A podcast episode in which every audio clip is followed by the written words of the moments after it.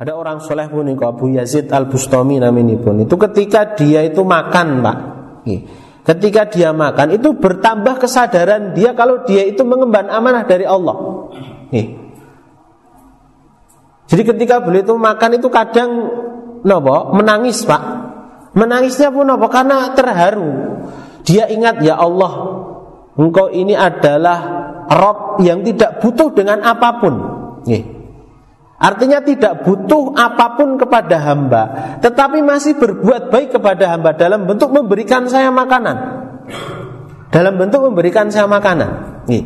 Engkau itu terlalu baik ya Allah Artinya ketika Allah memberikan kepada kita itu Allah tidak butuh ucapan terima kasih itu sebenarnya nggak butuh pak. Nih. Dan seandainya apa yang diberikan Allah itu kepada manusia itu diakumulasikan, dikumpulkan Pak, seluruh manusia dari awal sampai akhir nih. Dari Nabi Adam sampai orang terakhir yang menemui hari kiamat itu tidak akan mengurangi daripada apa yang dipunyai oleh Allah Subhanahu wa taala illa kamal mihyat idza udkhilal bahar kecuali hanya seperti jarum yang dimasukkan ke dalam lautan Nopo sing nempel ten jarum punika apa yang dibagikan Allah kepada seluruh manusia. Tidak akan berkurang apa yang dimiliki Allah. Terus menika sehingga beliau itu ternyuh, Pak. Ternyuh punika napa nggih? Paham nggih ternyuh? Itu terharu. Bagaimana Allah itu berbuat baik pada saya padahal tidak butuh pada saya. Nek kula sedaya punika berbuat baik pada orang itu kan pasti ada harapannya. Harap walaupun kita mengatakan ikhlas itu kan ada tetap pengharapannya, nggih napa nggih? Iya. Nih, paling tidak kalau kita tidak berharap pada manusia kan kita berharap pada Allah dalam bentuk mendapatkan pahala. Tapi Allah tidak. Nih, tidak. Jadi mengingat Allah Subhanahu wa taala dalam setiap nikmat yang Allah berikan kepada kita. Bosok pun tadi nggih tafakur, memikirkan nikmat-nikmat Allah yang diberikan kepada kita akan semakin menyadarkan kita bilih gesang kula kok di atas amanah. Di atas amanah. Sehingga tidak ada seharusnya alasan untuk menyia-nyiakan kehidupan kula panjenengan sedaya. Nggih. Lah kok untuk berbuat maksiat? Untuk berbuat perkara yang mubah sekalipun, mubah sekalipun kita akan berpikir, Pak kita akan berpikir. Bismillahirrahmanirrahim warahmatullahi wabarakatuh. Nahmaduhu wa nasta'inuhu wa nastaghfiruh wa na'udzu billahi min shururi anfusina wa sayyiati a'malina may yahdihillahu fala mudilla lahu wa may yudlilhu fala hadiya lahu. An la ilaha illallah wa anna Muhammadan abduhu wa فإن أصدق الحديث كتاب الله وخير الهدى هدى محمد صلى الله عليه وسلم شر الأمور محدثاتها وإن كل محدثة بدعة وإن كل بدعة ضلالة ألا وإن كل ضلالة في النار Alhamdulillah, Alhamdulillah Ucapkan puji kalian syukur kepada Allah subhanahu wa ta'ala Dan yang kesempatan Dalam Allah subhanahu wa ta'ala tasih mari kula menyen sedaya kanikmatan kang kathah sangat ki. Kita lajengaken kajian kitab Riyadhus Shalihin uh, kita lajengaken Pak nggih punika tema berkenaan kalian al-amru bi adail amanah. Nggih punika perintah untuk kita ini menunaikan amanah nggih. Sampun dipun bahas wonten pertemuan sakderengipun betapa pentingnya amanah punika betapa pentingnya amanah punika bahkan letak keimanan kula panjenengan sedaya punika dilihat oleh Allah Subhanahu wa taala punika dari seberapa amanah itu hadir pada diri kita. Bahkan ketiadaan amanah dalam diri kita punika bisa menghilangkan keimanan kula panjenengan sedaya. Rasulullah nanti ngendikaken bilih Rasulullah punika bersabda la amanata la imana liman la amanatalah. Tidak ada iman bagi siapa saja yang tidak ada amanah pada diri dia. Dan Rasulullah Shallallahu Alaihi Wasallam menggandengkan antara keimanan kalian amanah. Dan ini merupakan salah satu ciri paling menonjol dari keimanan kula panjenengan sedoyo. Maka eh, ketika seorang pun beriman kepada Allah Subhanahu wa taala, perkara yang paling bisa dilihat adalah seberapa amanah dia pada pada nopo? Pada diri dia sendiri. Baik amanah kepada Allah Subhanahu wa taala amanah kepada harta amanah kepada keluarga nggih. Amanah kepada bahkan diri dia sendiri nggih. Dados punika. Jamaah rahimakumullah ingkang dipun Allah Subhanahu wa taala begitu juga Allah Subhanahu wa taala punika memuji orang-orang yang dia bisa menghadirkan amanah di dalam kehidupan dia. Menawi jenengan bika wonten ing surat Al-Mu'minun nggih? Qad aflahal mu'minun beruntunglah orang engkang beriman punika. Salah satu ciri ini pun apa Pak? Walladzina yaitu orang-orang yang nopo terhadap amanahnya dan terhadap janjinya punika mereka raun. Raun punika nopo? Mereka janjinya terhadap amanahnya punika menepati. Ketika orang dia bisa seperti itu maka Allah Subhanahu wa taala akan memberikan kepada mereka surga. Bahkan aklal jannah, Pak, surga yang paling tinggi jadi punika surga Firdaus. Ketika dia menghadirkan amanah di dalam kehidupan mereka.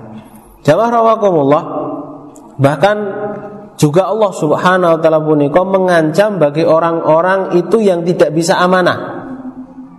Ketika Allah sampaikan kisah tentang istrinya Nabi Nuh kalian Nabi Lut Pak nih sebagai contoh wanita yang dia berkhianat, tidak mau beramat, tidak mau nopo melaksanakan amanahnya.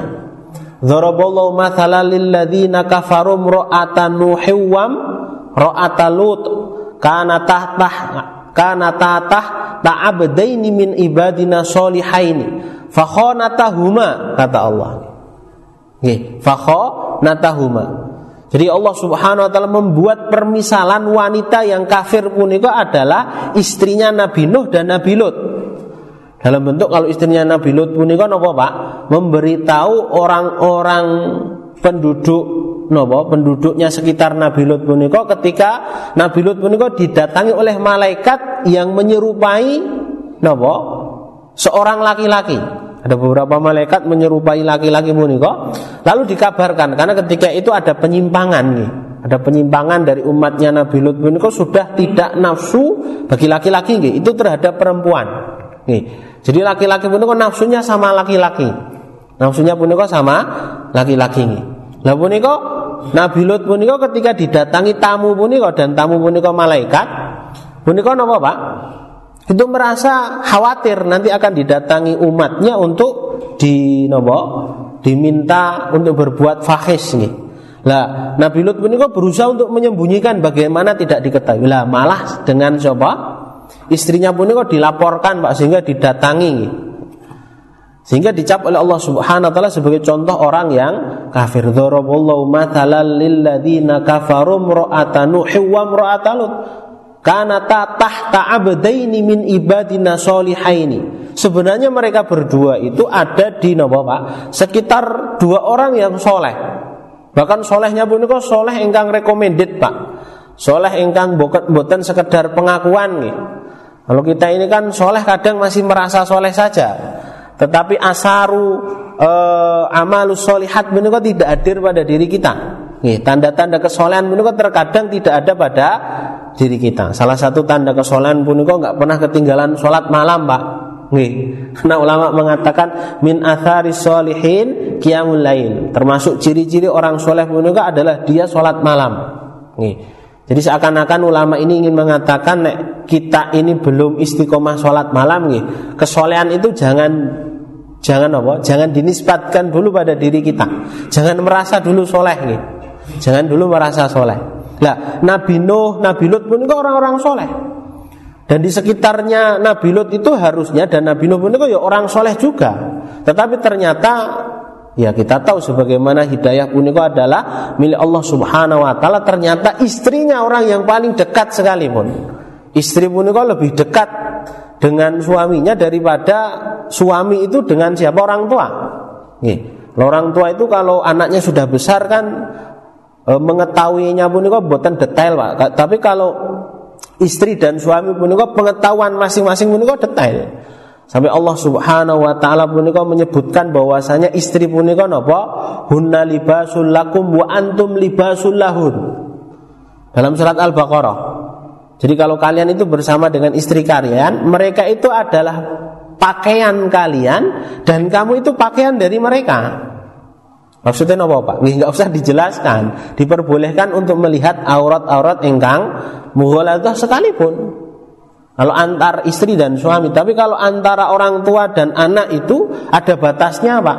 Nih, boten nangsal terus mentang-mentang nopo anaknya punika terus ketika sudah besar tetap bisa melihat aurat mughaladah boten nangsal. Nih, dan bapak punika anaknya pun kuliah Pak nih. Terus ora oleh Pak terus melihat aurat mughaladah itu nggak boleh walaupun dia mahramnya. Gitu. Tapi kalau suami dengan istri punika boleh.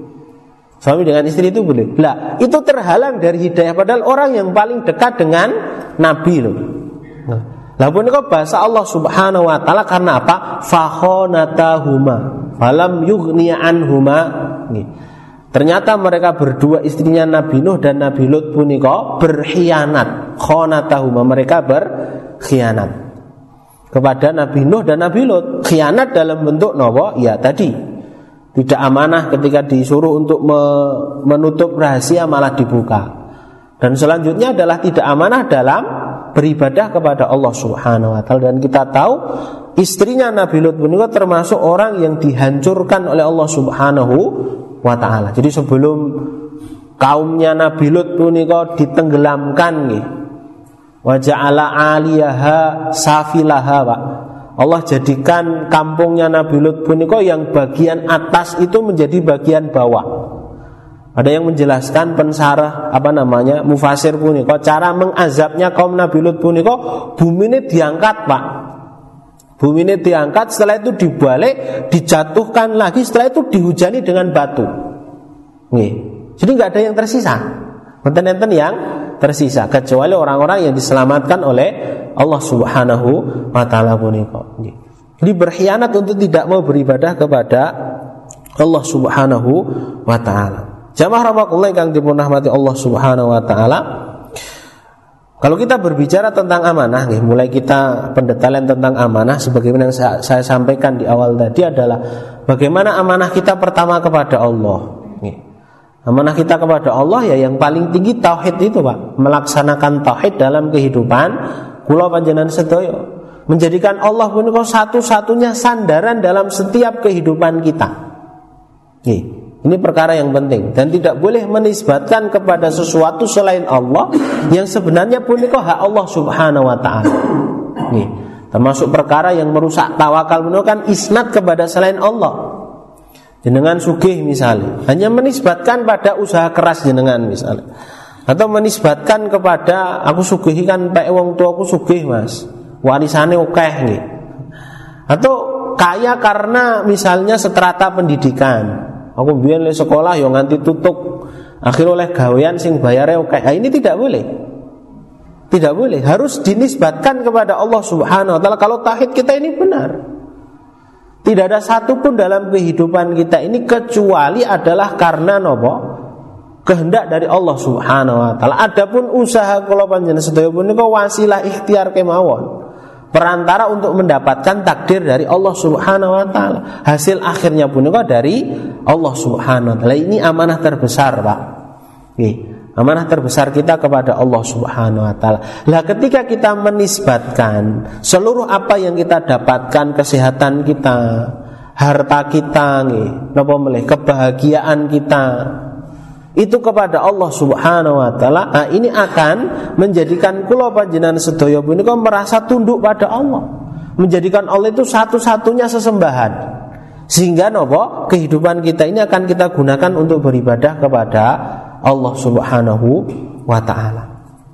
Terus sehingga tidak lupa dengan amanahnya.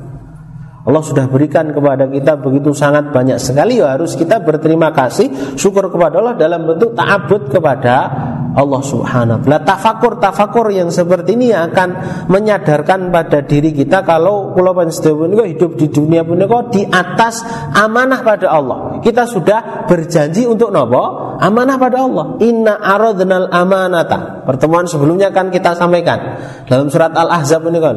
Sesungguhnya kita tawarkan kata Allah amanah itu kepada gunung, kepada langit, kepada bumi. Fa'abaina ayahmilnaha. Semuanya mereka tidak mau mengemban itu.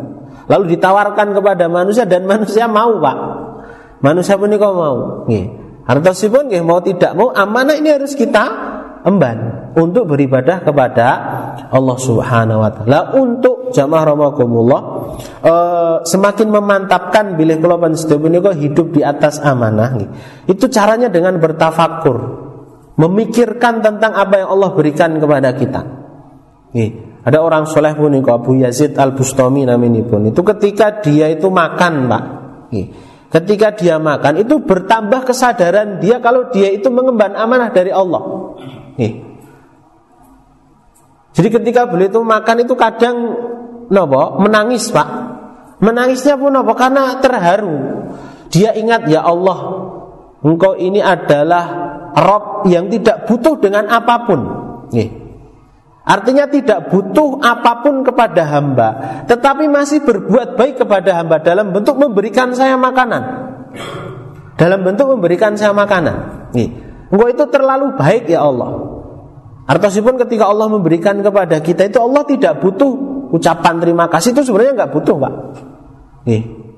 Dan seandainya apa yang diberikan Allah itu kepada manusia itu diakumulasikan, dikumpulkan, Pak. Seluruh manusia dari awal sampai akhir nih. Dari Nabi Adam sampai orang terakhir yang menemui hari kiamat itu tidak akan mengurangi daripada apa yang dipunyai Allah Subhanahu wa taala illa kamal mihyat idza udkhilal bahar kecuali hanya seperti jarum yang dimasukkan ke dalam lautan Nopo sing nempel ten jarum punika apa yang dibagikan Allah kepada seluruh manusia. Gak akan berkurang apa yang dimiliki Allah. Terus punika sehingga beliau itu ternyuh, Pak. Ternyuh punika napa nggih? Paham nggih ternyuh? Itu terharu. Bagaimana Allah itu berbuat baik pada saya padahal tidak butuh pada saya. Nek kula sedaya punika berbuat baik pada orang itu kan pasti ada harapannya. Harap walaupun kita mengatakan ikhlas itu kan ada tetap pengharapannya, nggih napa nggih? Iya. Nih, paling tidak kalau kita tidak berharap pada manusia kan kita berharap pada Allah dalam bentuk mendapatkan pahala. Tapi Allah tidak. Nih, tidak. Jadi mengingat Allah Subhanahu wa taala dalam setiap nikmat yang Allah berikan kepada kita. Bosok pun tadi nggih tafakur, memikirkan nikmat-nikmat Allah yang diberikan kepada kita akan semakin menyadarkan kita bilih gesang kula kok di atas amanah. Di atas amanah. Sehingga tidak ada seharusnya alasan untuk menyia-nyiakan kehidupan kula panjenengan sedaya. Nggih. Lah kok untuk berbuat maksiat tok, untuk berbuat perkara yang mubah sekalipun, mubah sekalipun kita akan berpikir, Pak kita akan berpikir. Rasulullah menika melarang kita ini banyak tertawa, Pak. Padahal tertawa pun itu dosa napa mboten? Tidak sampai Rasulullah mensifati orang yang banyak tertawa pun itu tumitul kolab akan menjadikan hati itu semakin nopo akan menjadikan hati pun itu mati. Ketika hati mati tidak bisa mengenal Allah, tidak bisa sadar dengan amanah yang dia bawa. Nih. Tidak bisa sadar dengan amanah yang dia bawa. Padahal perkara yang mubah sebenarnya. Tetapi kalau mubah pun diperbanyak, Pak, akan mengganggu ibadah kita pada Allah Subhanahu wa taala. Nih, mancing pun kok mboten dosa, Pak. Tapi nek menjadi hobi terus lali nopo-nopo nggih, lali ngopeni anak bojo, Pak nggih. itu jadi perkara yang bermasalah. Jadi perkara yang bermasalah. Saya tidak mengatakan mancing itu haram, Pak nggih. Kecuali mancing perkara Pak. Eh, kalau mancing mencari sesuatu yang halal untuk dimakan betul napa-napa. Terus punika. Bahkan ada sebagian para nopo para sahabat punika yang mereka taklil. Taklil punika meminimalisasi untuk mendapatkan kenikmatan dunia makhofatan karena takut untuk tidak bisa berlama-lama dalam ibadah kepada Allah. Yeah. Rasulullah menikah nate pak Suatu saat ketika beliau itu di satu tempat melihat onta yang bagus-bagus pak Nih. Lalu ditegur oleh Allah subhanahu wa ta'ala Wala tamudanna ainaika bima matta'na bihim Dan janganlah kamu Muhammad Apa? E, panjangkan penglihatanmu Jangan kamu itu terlalu lama melihat dunia Dulu onto sing api-api itu loh Yang kami berikan kenikmatan itu kepada orang lain Nih. Maksudnya apa? Dulu unta kok haram napa mboten, Pak? Lah mbok ora klamben tetep mboten haram Pak nek ndelok unta niku. Tapi kalau lihat manusia yang tidak pakai baju apa niku haram. Tapi kalau melihat unta niku tidak haram. Tapi kenapa Allah ingatkan kepada Rasul untuk tidak terlalu lama melihat itu agar tidak terjerumus kepada terlalu cinta pada dunia. Nih. Barang kesenangan dunia punika ketika sudah merasuk pada diri kita sehingga kita bisa lalai terhadap ibadah. Terhadap ibadah. Ada sahabat menika naminipun uh, siapa namanya? Saya lupa namanya. Dan sahabat menika yang julukannya menika Hamamatul Masjid, Pak. Dia ini adalah merpatinya masjid karena nggak pernah terlambat sholat jamaah. Nih, nggak pernah terlambat nopo sholat jamaah. Sampai disebut sebagai merpatinya masjid. Tetapi orang menika miskin. Nih. Sehingga ketika sholat jamaah, sholat sholat jamaah, zikirnya pun kok tidak panjang, harus segera pulang. Nah, Rasulullah penasaran nih bocah ini ngopo nih. Ternyata di rumah pun kok baju nih, jubai pun kok harus gantian dengan istrinya. Karena jubahnya cuma satu. Kalau dia lama-lama di masjid, mungkin istrinya pun kok nopo, sholatnya agak ketinggalan. Nih. Saking miskinnya sehingga berdoa meminta doa kepada Rasulullah nopo agar didoakan menjadi orang kaya. Agar didoakan menjadi orang kaya. Didoakan oleh Allah Subhanahu wa taala. Akhirnya ketika didoakan dan benar menjadi orang yang kaya Pak. Tapi setelah kaya akhirnya sholat jamaah ketinggalan. Orang hilang Pak. Sholat jamaahnya enggak hilang tetapi ketinggalan. Tetapi nopo ketinggalan. Nih. Karena ngurusi bondoni jadi karena ngurusi hartanya. Nih. Jadi orang yang terbaik menurut adalah orang yang dia bersyukur dengan kondisi yang Allah berikan saat ini. Seandainya dia kaya, ya dia syukuri tapi gunakan kekayaan pun untuk beribadah kepada Allah. Kalaupun dia miskin, tidak banyak sesuatu yang bi bisa dia dapatkan nonton yang urusan dunia punika ya tidak mencela takdir. Tetap dia bisa rajin dalam beribadah kepada Allah Subhanahu wa taala. Itu orang yang paling beruntung punika orang yang seperti itu. Orang yang tidak sibuk dengan nikmat Allah yang diberikan kepada orang lain. Terus punika. Kalau panjenengan sudah kan penyakit masyarakat itu hadir kan karena melihat membandingkan nikmat yang Allah berikan kepada orang lain gitu. Itu yang menjadikan kula sedaya punika ngurusi wong liya niku lho, Pak. itu yang menjadikan kita ini pusing, Pak. Tidak menikmati apa yang Allah sudah berikan kepada kita. Nih. Tetapi kita hanya menyoal tentang apa yang Allah tidak berikan kepada kita. Terus menika amanah kepada Allah Subhanahu wa taala menika amanah yang pertama dan utama yang harus kita tunaikan. Nih, kalau amanah ini amanah dalam bertahid kepada Allah menika hadir dalam kehidupan kita jaminannya surga, Pak. Man qala la ilaha illallah Barang siapa yang mengatakan la ilaha illallah kholison dengan keikhlasan apa yang ada di dalam hatinya, Allah itu akan haramkan bagi dia untuk masuk ke dalam neraka. Ini amanah yang paling utama. Nih. Dan surga yang akan didapatkan. Yang kedua jamaah rahimakumullah, amanah punika adalah amanah berkaitan dengan harta. Berkaitan dengan harta. Apa yang kita punyai itu amanah dari Allah Subhanahu wa taala. Nah berkenaan dengan amanah harta punika ada tiga pak. Nih. Maaf ada dua nih. Dari mana kita mendapatkan dan untuk apa kita gunakan. Untuk apa kita gunakan? Apa niku amanah? Nih, mencari harta pun itu amanah. Dan mencari pencarinya pun itu adalah perkara yang memang harus kita perhatikan. Amanah dari Allah Subhanahu wa taala pun itu agar kita tidak mencari kecuali dari perkara-perkara ingkang memang dipun nopo halalakan Allah Subhanahu wa taala diperbolehkan Allah Subhanahu wa taala untuk kita mendapatkan. Nih. Dan apa yang disediakan Allah Subhanahu wa taala untuk kita dapatkan punika terlalu banyak, Pak. Eh, kalau sudah punika damel daftar antara perkawis-perkawis ingkang haram kalian yang halal itu banyak yang halal, Pak. Nih. Dalam pembahasan at-imah, at-imah punika makanan, itu antara yang halal dan haram punika banyak yang halal. Nih. Makanya nenten tiang kok ngomong sing haram kuwi angel Mas, kok dadak golek sing halalnya itu salah. Nih, itu salah dengan apa yang disampaikan Allah pilih yang halal itu lebih banyak daripada yang haram.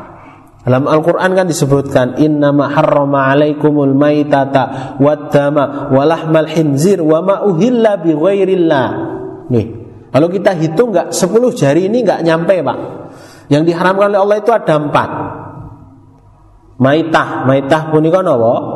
Hewan yang mati yang bukan karena disembelih atas nama Allah Bangkai bahasa kita Wadama darah Nih riyen saren Pak nggih. Ini kan boten enten. Haram alaikumul maitata waddama wa lahmal hinzir daging babi wa ma uhilla li dan apa yang tidak diseb, apa yang disembelih bukan karena nama Allah Subhanahu wa taala atas nama berhala misalnya. Itu diharamkan. Selanjutnya innamal khamru wal maisiru nggih. Sesungguhnya khamr nggih itu digandingkan oleh Allah Subhanahu wa taala dengan judi, dengan mengundi nasib, rijsum min amali syaiton. Itu adalah najis dan perbuatan setan. Jadi apa yang diharamkan Allah kalau di dalam Al-Qur'an pun hanya ada lima, Pak. hanya ada lima. Selain itu berarti halal. Kecuali yang disampaikan oleh Allah Subhanahu wa taala di dalam hadis.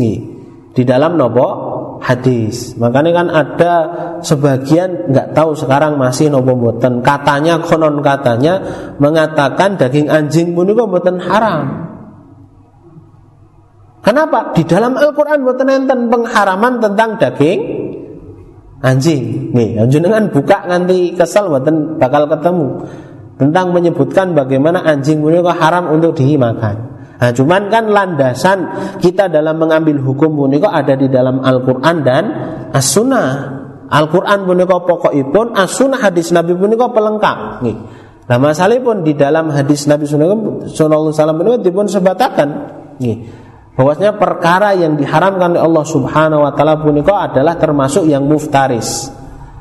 Muftaris punika perkara yang dia itu buas, dia punya taring dia punya kuku yang digunakan untuk mencengkram mangsanya ya. Lah itu termasuk kan di situ.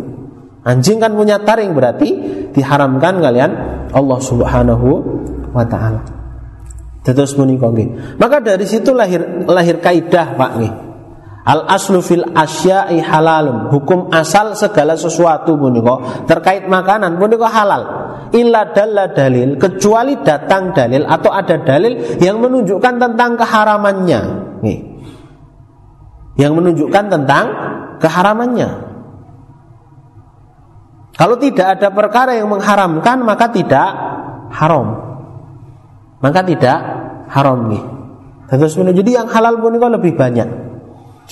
Jadi itu nih. Jamaah rahmatullah yang dipun rahmati Allah Subhanahu wa taala. Lah terkait dengan harta nih, yang diamanahkan Allah kepada kita bagaimana cara mendapatkannya nih. Maka pastikan apa yang hadir pada diri kita itu benar-benar halal, Pak. Benar-benar nopo? Halal. Nih. Karena perkara yang tidak halal sedikit pun nih, walaupun dia hanya sedikit, hanya aklah, hanya satu suapan itu akan mempengaruhi daripada ibadah kula panjenengan sedaya. Allah itu tidak akan menerima ibadah orang yang dagingnya itu tumbuh dari perkara yang haram, Pak dari perkara yang haram. Tetes punika maka bisa kita lihat bagaimana Rasulullah SAW dan para sahabat punika begitu sangat hati-hati dalam perkara ini untuk mendapatkan perkara yang halal. Kalau terkait dengan apa yang kita dapatkan, cara mendapatkan harta itu sebenarnya kan banyak dengan cara jual beli, dengan cara tukar menukar nggih, dengan cara hibah hibah punika pemberian nggih, dengan cara wasiat wasiat punika adalah pemberian dari orang yang belum meninggal dunia. Ada orang mau meninggal dunia lalu dia sampaikan, omahku sing ning kono kae nggo kowe Maka itu wasiat. Nih, ketika meninggal dunia tidak boleh dimasukkan dalam hitungan warisan, Pak. Nih, apa yang sudah diwasiatkan itu tidak boleh masuk dalam hitungan warisan. Tetapi Rasulullah menjelaskan apa yang diwasiatkan punika tidak boleh lebih dari sepertiga. Nih, kenapa? Karena kalau nanti lebih dari sepertiga warisannya jadi habis atau sedikit. Rasulullah menyampaikan bahwasanya Kalau kamu itu meninggalkan anak-anakmu dalam kondisi kecukupan, tidak meminta-minta kepada tetangganya itu lebih baik daripada kamu tinggalkan anak-anakmu itu dalam kondisi kelaparan. Ketika kamu mati, dia meminta-minta pada orang.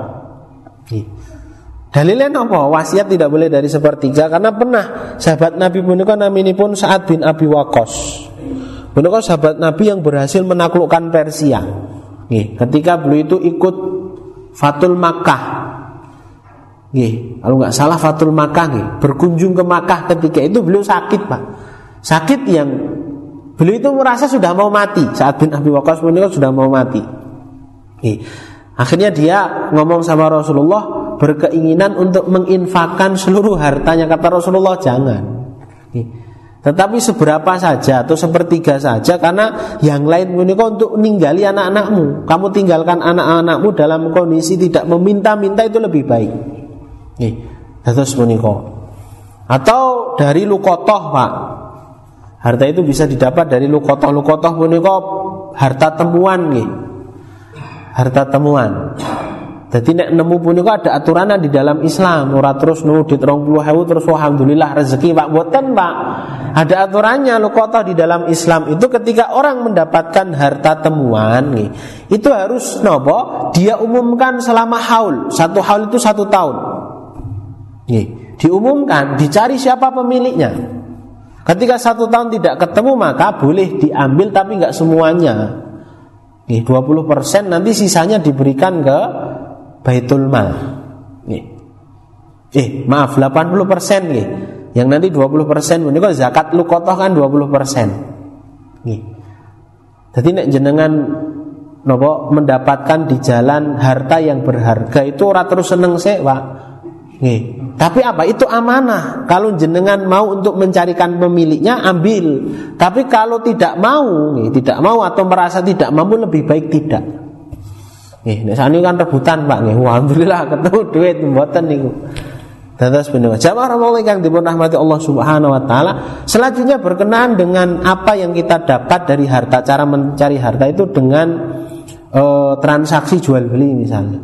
Nah, jual beli punika perkara yang memang membuka pintu rezeki dari Allah Subhanahu wa taala. Dan termasuk salah satu jenis daripada pekerjaan menika kan jual beli. Untuk mendapatkan harta menika kan dengan jual beli, dengan menjadi pegawai, dengan membuat sesuatu yang halal Pak nih, lalu dijual kembali nih.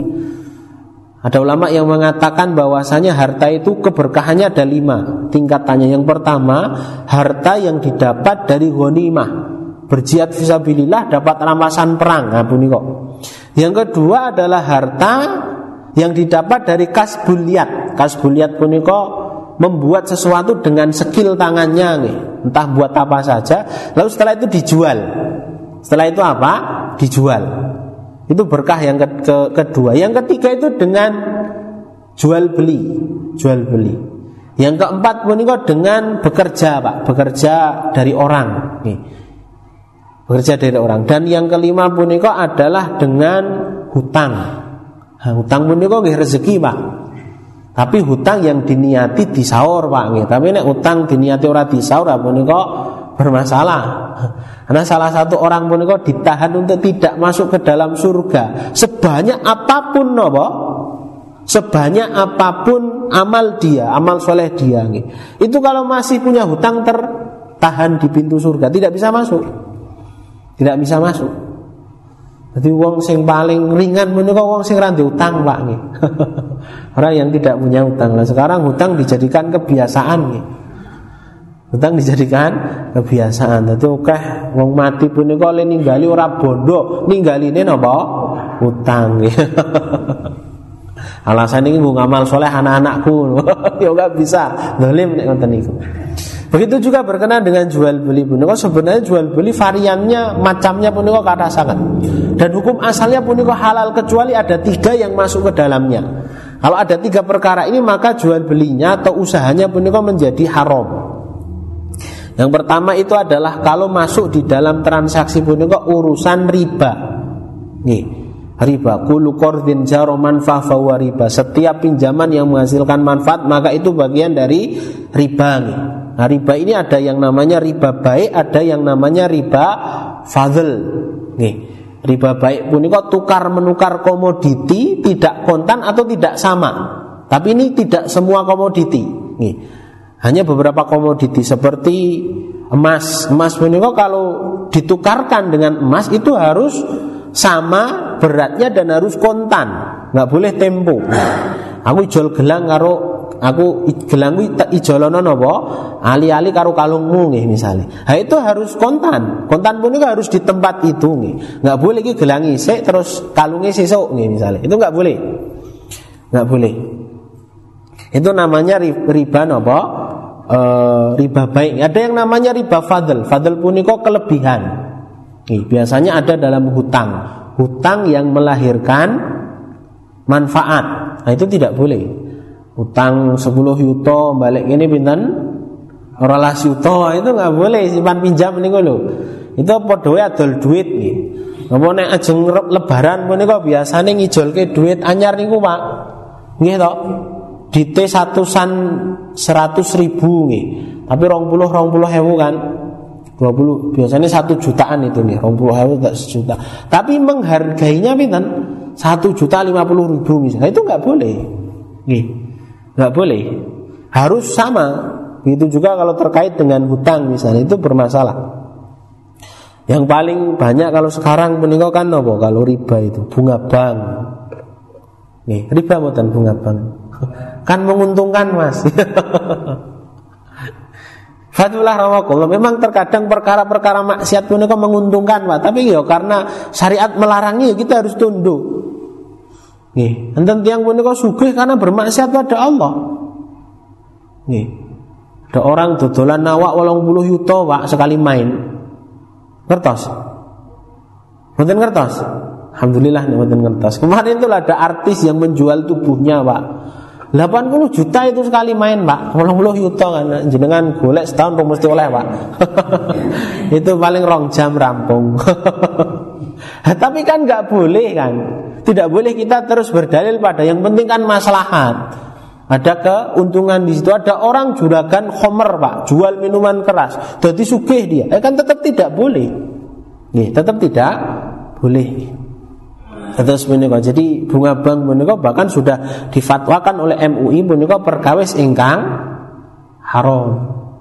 Perkara yang haram karena itu bagian dari riba. Nih, apa yang kita berikan ke bank itu kan akadnya akad hutang, bukan akad pinjaman, Pak. Bukan akad tabungan. Tabungan itu kan titip kalau bahasa gampang. Tapi sebenarnya bukan, itu akad hutang. Nih. Jadi kalau kita ini deposit ke bank atau kita jadi nasabah bank, nih, itu kita sedang menghutangi bank. Kenapa? Karena oleh bank harta ini digunakan untuk macam-macam. Karena jenengan nabung ten bank kan ketika jenengan ngambil tidak sesuai dengan nomor seri yang kita berikan. Kalau titip itu harusnya yang kembali ke kita itu ya sesuai yang kita titipkan. Sesuai yang kita titipkan. Tapi kan enggak nominalnya. Setelah itu kita diberikan kelebihan dalam bentuk bunga. Dalam bentuk bunga itu ribanya di situ. Eh, saya tidak mengatakan seluruh produk bank menika haram boten. Ada yang memang produk-produk enggang boten haram. Contohnya pun seperti uh, transfer duit pak Walaupun dia ngambil pihak bank kok ngambil nopo ngambil keuntungan itu tidak haram. Kenapa? Karena itu namanya akad jual beli jasa. Nih, jadi bank itu dia sebagai pihak yang jual jasa, jasa ngirim ke duit. Nah itu nggak apa-apa. Seperti jenengan Mas terno terno barang ini nggak tak bayar sama seperti itu. Artinya tidak semua produk bank puniko haram ya. Tidak semua produk bank menikah haram. Ada yang memang tidak. Nah, sekarang masalahnya banyak nopo perkara dari kaum muslimin punika ya tidak paham dengan perkara ini. Sehingga menganggap ini perkara yang sepele padahal besar di sisi Allah Subhanahu wa taala. Riba itu ada 32 orang yang memakan satu dirham riba puniko Dosanya lebih besar daripada berzina sebanyak 32 kali Bayangkan berzina sebanyak 32 kali ini. Itu masih kalah dengan dosa dari apa? Satu dirham kita ini makan dari hasil riba. Sampai Allah Subhanahu wa taala punika dalam surat Al-Baqarah punika menantang perang orang yang memakan riba. Ya ayyuhalladzina amanu taqullaha wa dharu ma baqiya minar riba in kuntum mu'minin. Fa illam taf'alu fa'dhanu biharbin minallah wa rasuli. Kalau kamu tetap makan riba, bersiaplah berperang dengan Allah dan Rasulnya. Mboten enten dosa punika yang sampai oleh Allah Subhanahu wa taala punika ditantang berperang. Ditantang napa? Berperang. Kecuali memang ada selain riba, tapi nggak banyak. Seperti man adali walian fakot adan tuhu bil harb. Barang siapa yang memusuhi waliku, saya akan umumkan perang pada dia. Nih, memusuhi wali Allah, orang yang beriman kepada Allah kok berat. Maka hukumannya tantangan perang dari Allah. Begitu juga riba, sampai Allah menantang perang bagi orang yang memakan riba. Dalam hadis lain dipun sebatakan riba pun ada 72an cabang. Nih, yang paling ringan 72 tingkatan dosa. Yang paling ringan pun kok seperti orang yang menzinai ibu kandungnya. Oh, ini kan berat. Nih, maka transaksi yang ada unsur ribanya pun kok perkara yang bermasalah. Perkara yang bermasalah. Tapi kan mau tidak mau debu riba ini kita kan kena pak nih. Iya kan? Jenengan gak ada ide tokweh yang arep disimpen ning soramben, Pak. Sokot tikus toh. ya kalau untuk ikhtiat seperti itu ya mudah-mudahan tidak. Artinya widitku kokean masuk 10 miliar misalnya. Kan mungkin disimpan yang rumah gitu. Simpan yang bank untuk keamanan lah.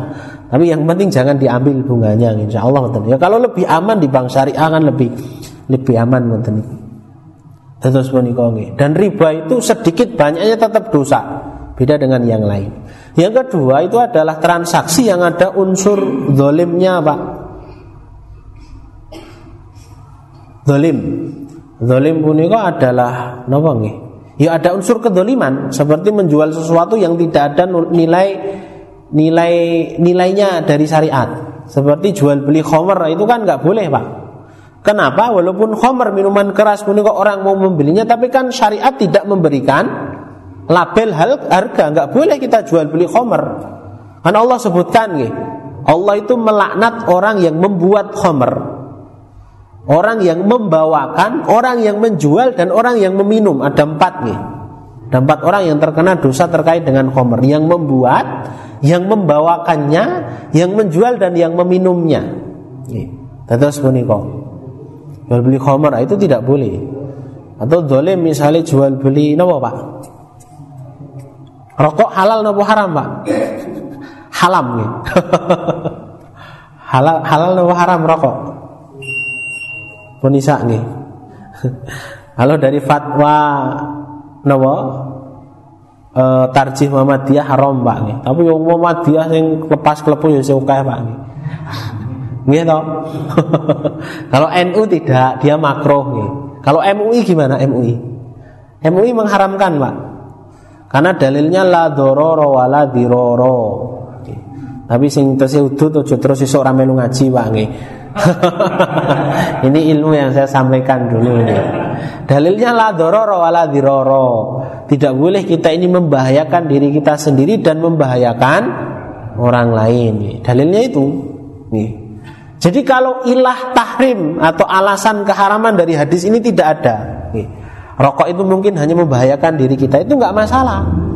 Jadi sing bener nek Arab tidak terkena hadis ini pak, nek pas udut kebuli aja ditokke. Iya kan? Eh masalah perokok pasif itu kena juga nopo bahaya. Jenengan tahu yang kepala BNPB itu loh yang kemarin mati karena kanker paru-paru masih muda itu Sutopo atau yang gitu. Nah, itu kan cerita karena apa? Dia jadi perokok pasif. Jadi jenengan mau ngerokok tetap tidak mau terkena dalil la dororo wala diroro nggih kebule aja ditokke manten napa Tapi jangan terus ngomong wih ini Ustaz wih ngerokok orang oh. Saya tetap berpendapat pada orang yang mengatakan haram nih. Kalau tidak haram nih, ya paling tidak ada ulama yang mengatakan lah yang makroh tadi. Dados puniko. Dan masih banyak Pak kalau terkait dengan yang yang dolim ini seperti jual beli bangkai itu ada Pak. Nih, tuku pitik mati nggo pakan apa? Lele misalnya, tiren ayam tiren pun kok payu Pak. Oh itu nggak boleh. Nih, atau sapi gelonggongan Pak. Kalau kita apa lalu di daerah Nenggroso kan daerah Sembelian Pak nih. Sapi Boyolali enggak semua Pak, tapi sekarang prakteknya masih ada. Jadi ini ajeng dibelah kok dikompo nggo banyu, dileboni napa? Selang dikompo Pak. Karena itu masa dagingnya akan lebih berat. Tapi biasanya nek daging gelonggongan kok ora wani dicentel ke Pak. Biasanya di apa namanya? Dan itu masih ada banyak nopo penggemarnya.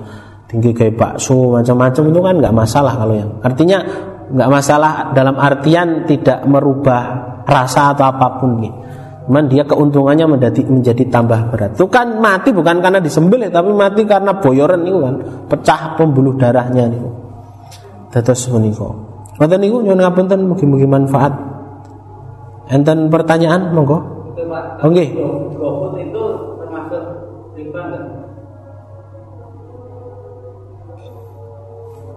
Enten driver gojek lagi gini pak saya jelaskan nih. Yang masalah itu gopaynya. Nih, kalau GoFood itu jual beli jasa biasa nggak masalah. Jadi kita membeli dari orang yang menghantarkan barang ke kita nih. Jadi pesan terus di itu jual beli jasa nggak ada masalah sebenarnya. Masalahnya itu kalau transaksi GoFood itu dengan bayarnya pakai GoPay itu yang disoal oleh beberapa ulama. Kenapa? Karena ada yang mengatakan Gopay itu hukumnya riba. Yang kedua ada yang mengatakan tidak riba. Yang mengatakan riba Kenapa? Karena ketika kita ini deposit ke pihak Gojek, itu kita ini akadnya adalah kita menghutangi pihak Gojek.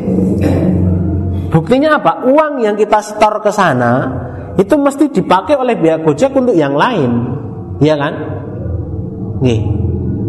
Tidak mungkin apa yang kita depositkan ke sana, nih, uang seri uang yang kita ke sana itu terus nopo digunakan untuk melayani servis yang kita inginkan. Kan enggak?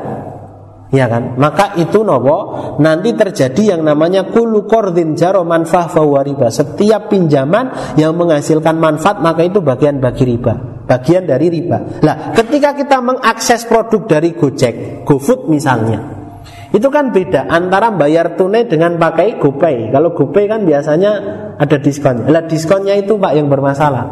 Karena kita mendapatkan keuntungan dari kita menghutangi siapa? Gojek. Nah itu kena ilah dalil itu. Oke. Tapi ada yang mengatakan ini tidak riba. Oke. Tidak ribanya kenapa? Karena itu akad jual beli salam. Jual beli salam itu jual beli pesan, Pak. Nih. Saya pesan produk ini. Nah, itu di dalam syariat boleh jual beli salam itu. Nih, jadi ketika kita itu memberikan uang ke pihak Gojek deposit nih, kita ini sedang pesan produk dari Gojek. Nih. Yang menguatkan dia itu jual beli salam kenapa? Karena apa? Karena GoPay ini kan nggak bisa dipakai untuk produk yang lain. Nih, misalnya kita pesan dari Grab, ya kan? Terus kita bayarnya pakai GoPay, bisa nggak? Nggak bisa. Grab dia punya sendiri namanya OVO. Gitu. Itu membuktikan bahwasanya kita ini sedang pesen produk dari Gojek. Lah urusan dia mau kasih diskon atau mboten nggak masalah. Nih, nggak masalah. Nah terus piye? Ya piye-piye rasa bingung gitu. Jadi kalau mau aman nih, kalau mau aman ini sama-sama kuat Pak alasannya. Jadi masalah-masalah kontemporer ini memang harus kita jelaskan. Tapi juga harus dengan landasan dalil nih. Kebetulan kita apa di kampus ini bahas tentang yang seperti ini pak. Jadi jenengan tanya tentang perkara-perkara yang kontemporer, insya Allah ada jawabannya. Nah terus sikap kita bagaimana? Sikap terbaik bagi kita, kalau jawaban saya pak, itu nggak masalah, nggak masalah. Tapi lebih hati-hatinya bayarnya tunai kemawon. Nih, tidak usah pakai yang gopay puniko. Tapi kalau jenengan pakai madhab yang itu jual beli salam, yo kita nggak bisa menyalahkan juga kan? Nih, nggak bisa menyalahkan juga. Terus punika nggih. Mata niku Pak. Gitu nggih. Jadi yang driver nggak masalah Pak, tetap kerjakan saja itu pekerjaan yang halal. Gitu. yo masalahnya kita bicara halal haram ini kok yo sulit Pak sekarang. Angel banget. Sampai kalau kita katakan yang benar-benar halal itu sekarang cuman air yang turun dari langit, Pak. Nek kabeh ini nyerempet sing haram, Pak. Masjid yo kebak nyatane tak miri nyimpen duit yo ning bank kok. Iya oke. Iya kan? Dan seperti itu nih. Yo paling enggak kalau enggak kena riba. Kan memang seperti itu di akhir zaman itu kaum muslimin kalau tidak terkena riba paling debunya juga terkena. Ya. Tapi yo kita tidak terus boleh mentashil nih. Tashil itu meremehkan nih. Paling tidak ilmunya kita tahu dulu nanti bersikapnya akan lebih mudah. Mata niku wallah lebih sawab. Sampun nggih. Sudah kelewat, mungkin-mungkin manfaat. Kita lanjutkan pertemuan yang akan datang. Assalamualaikum warahmatullahi wabarakatuh.